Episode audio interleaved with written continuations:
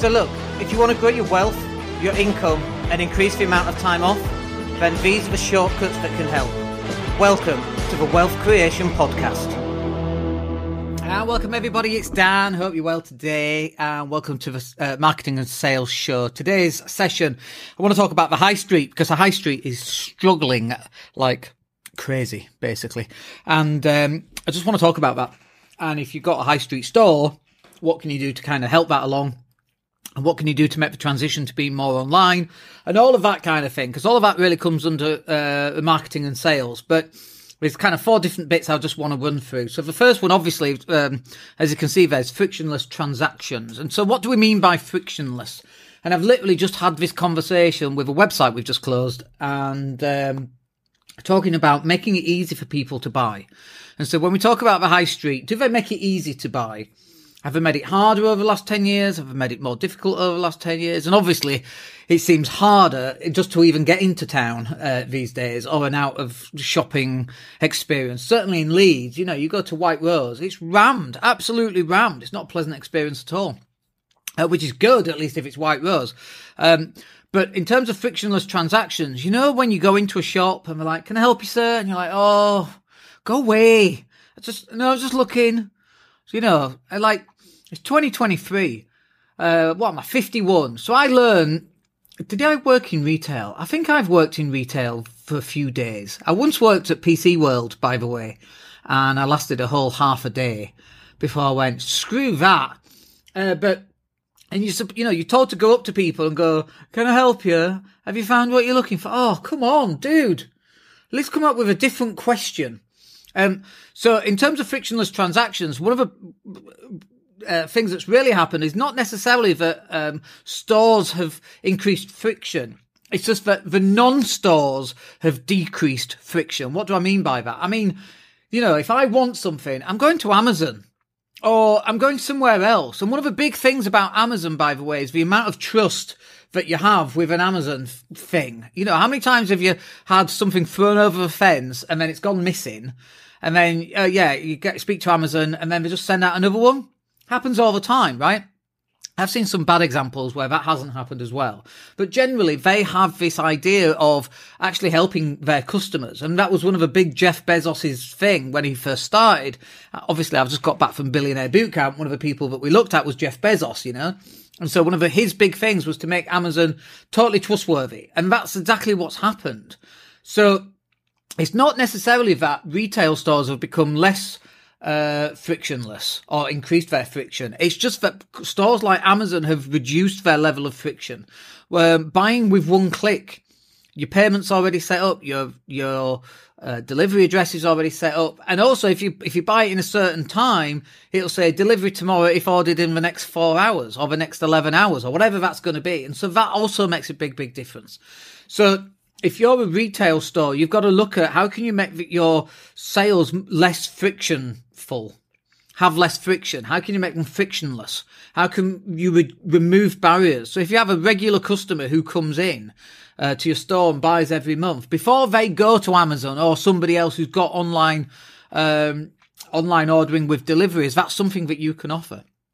And is there a way that you can do that so that it makes their life easier? Because really, that's what you should be doing. We live in this world now where people want stuff like this.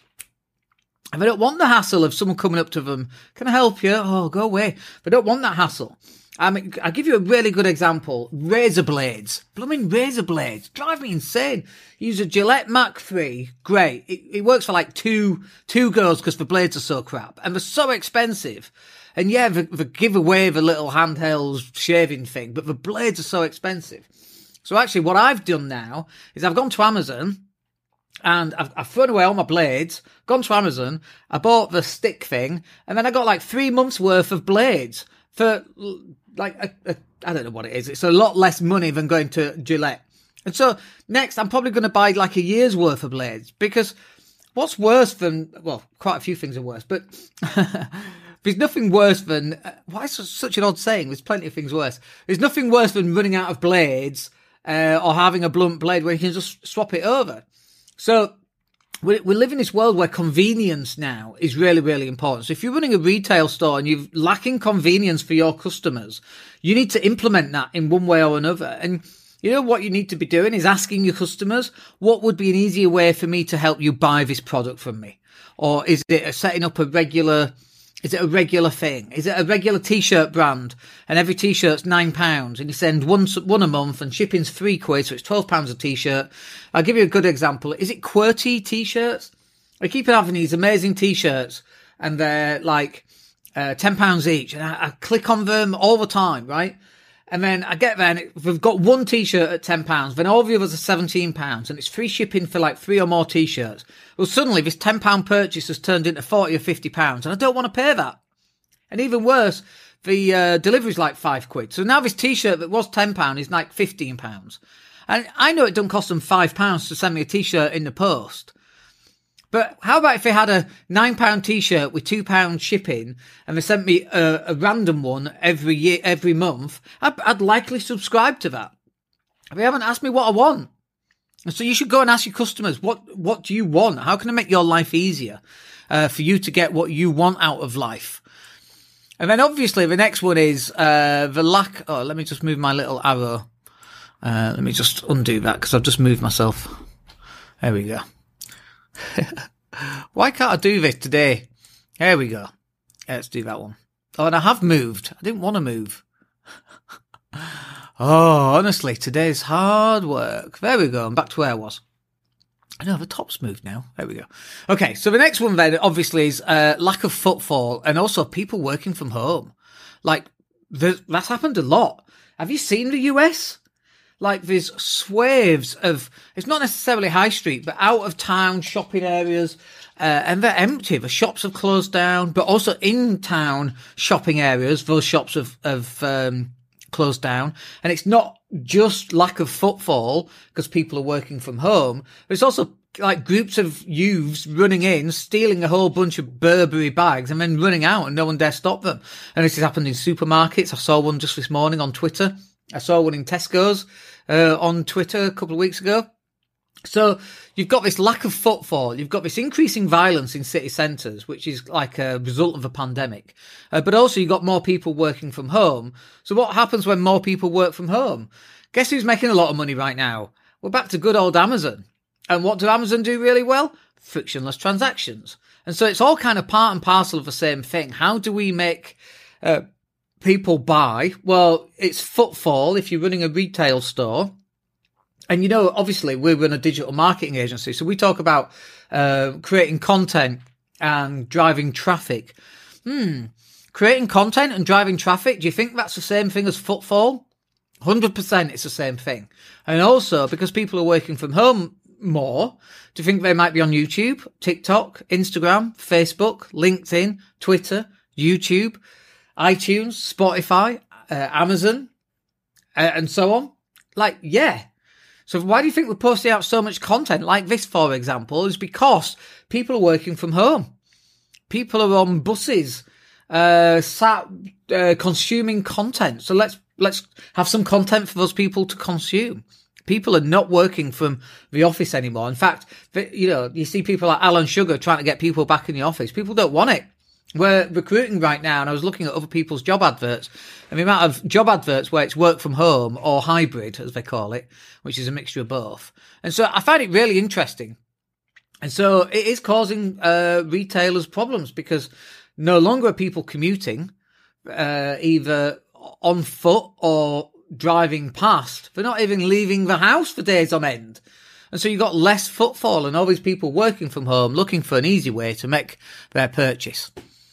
And then what do the councils do? Because in their infinite wisdom, the councils come along go, I know what'll fix this. Let's put uh, car parking up. Let's make it really expensive. Let's do it six pound an hour.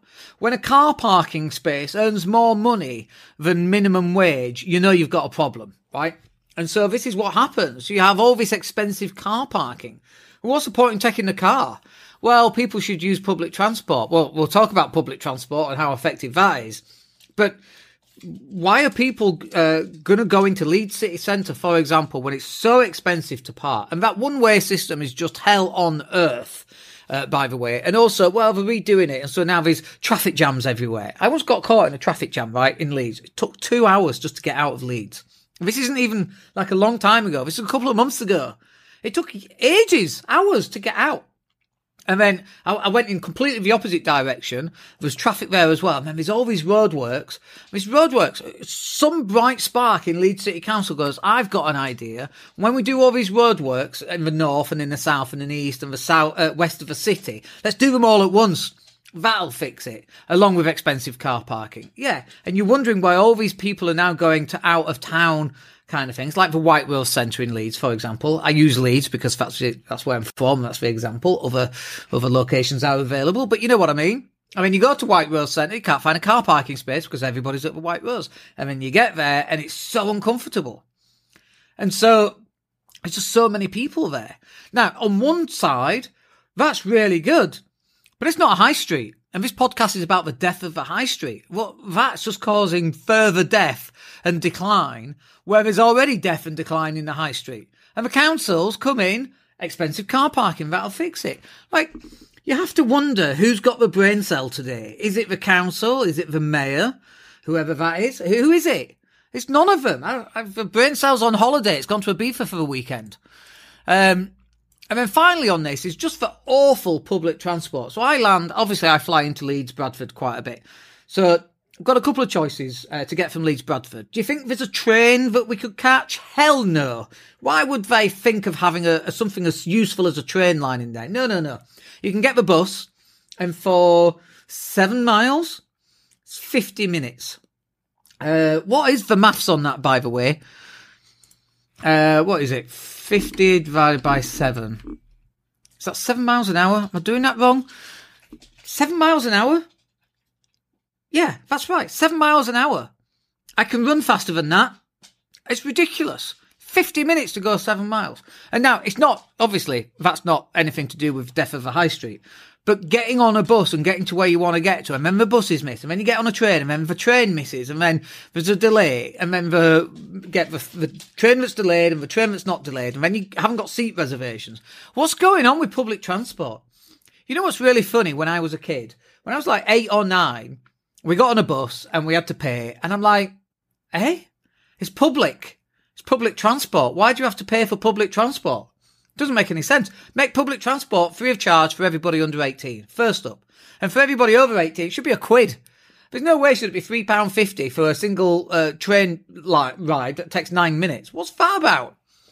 I'm on a proper rant today because it just really, really annoys me. And there's no joined up thinking here. We're desperate to get people out of cars because the planet's burning. So what do we do? Let's make public transport really freaking expensive. Train tickets to London, 300 quid. What planet are you on?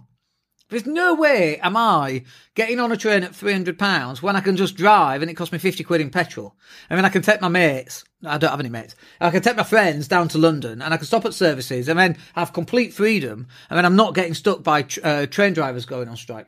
The, and also, by the way, I don't mind train drivers going on strike not that it's for drivers, but it's for other people that want much less money.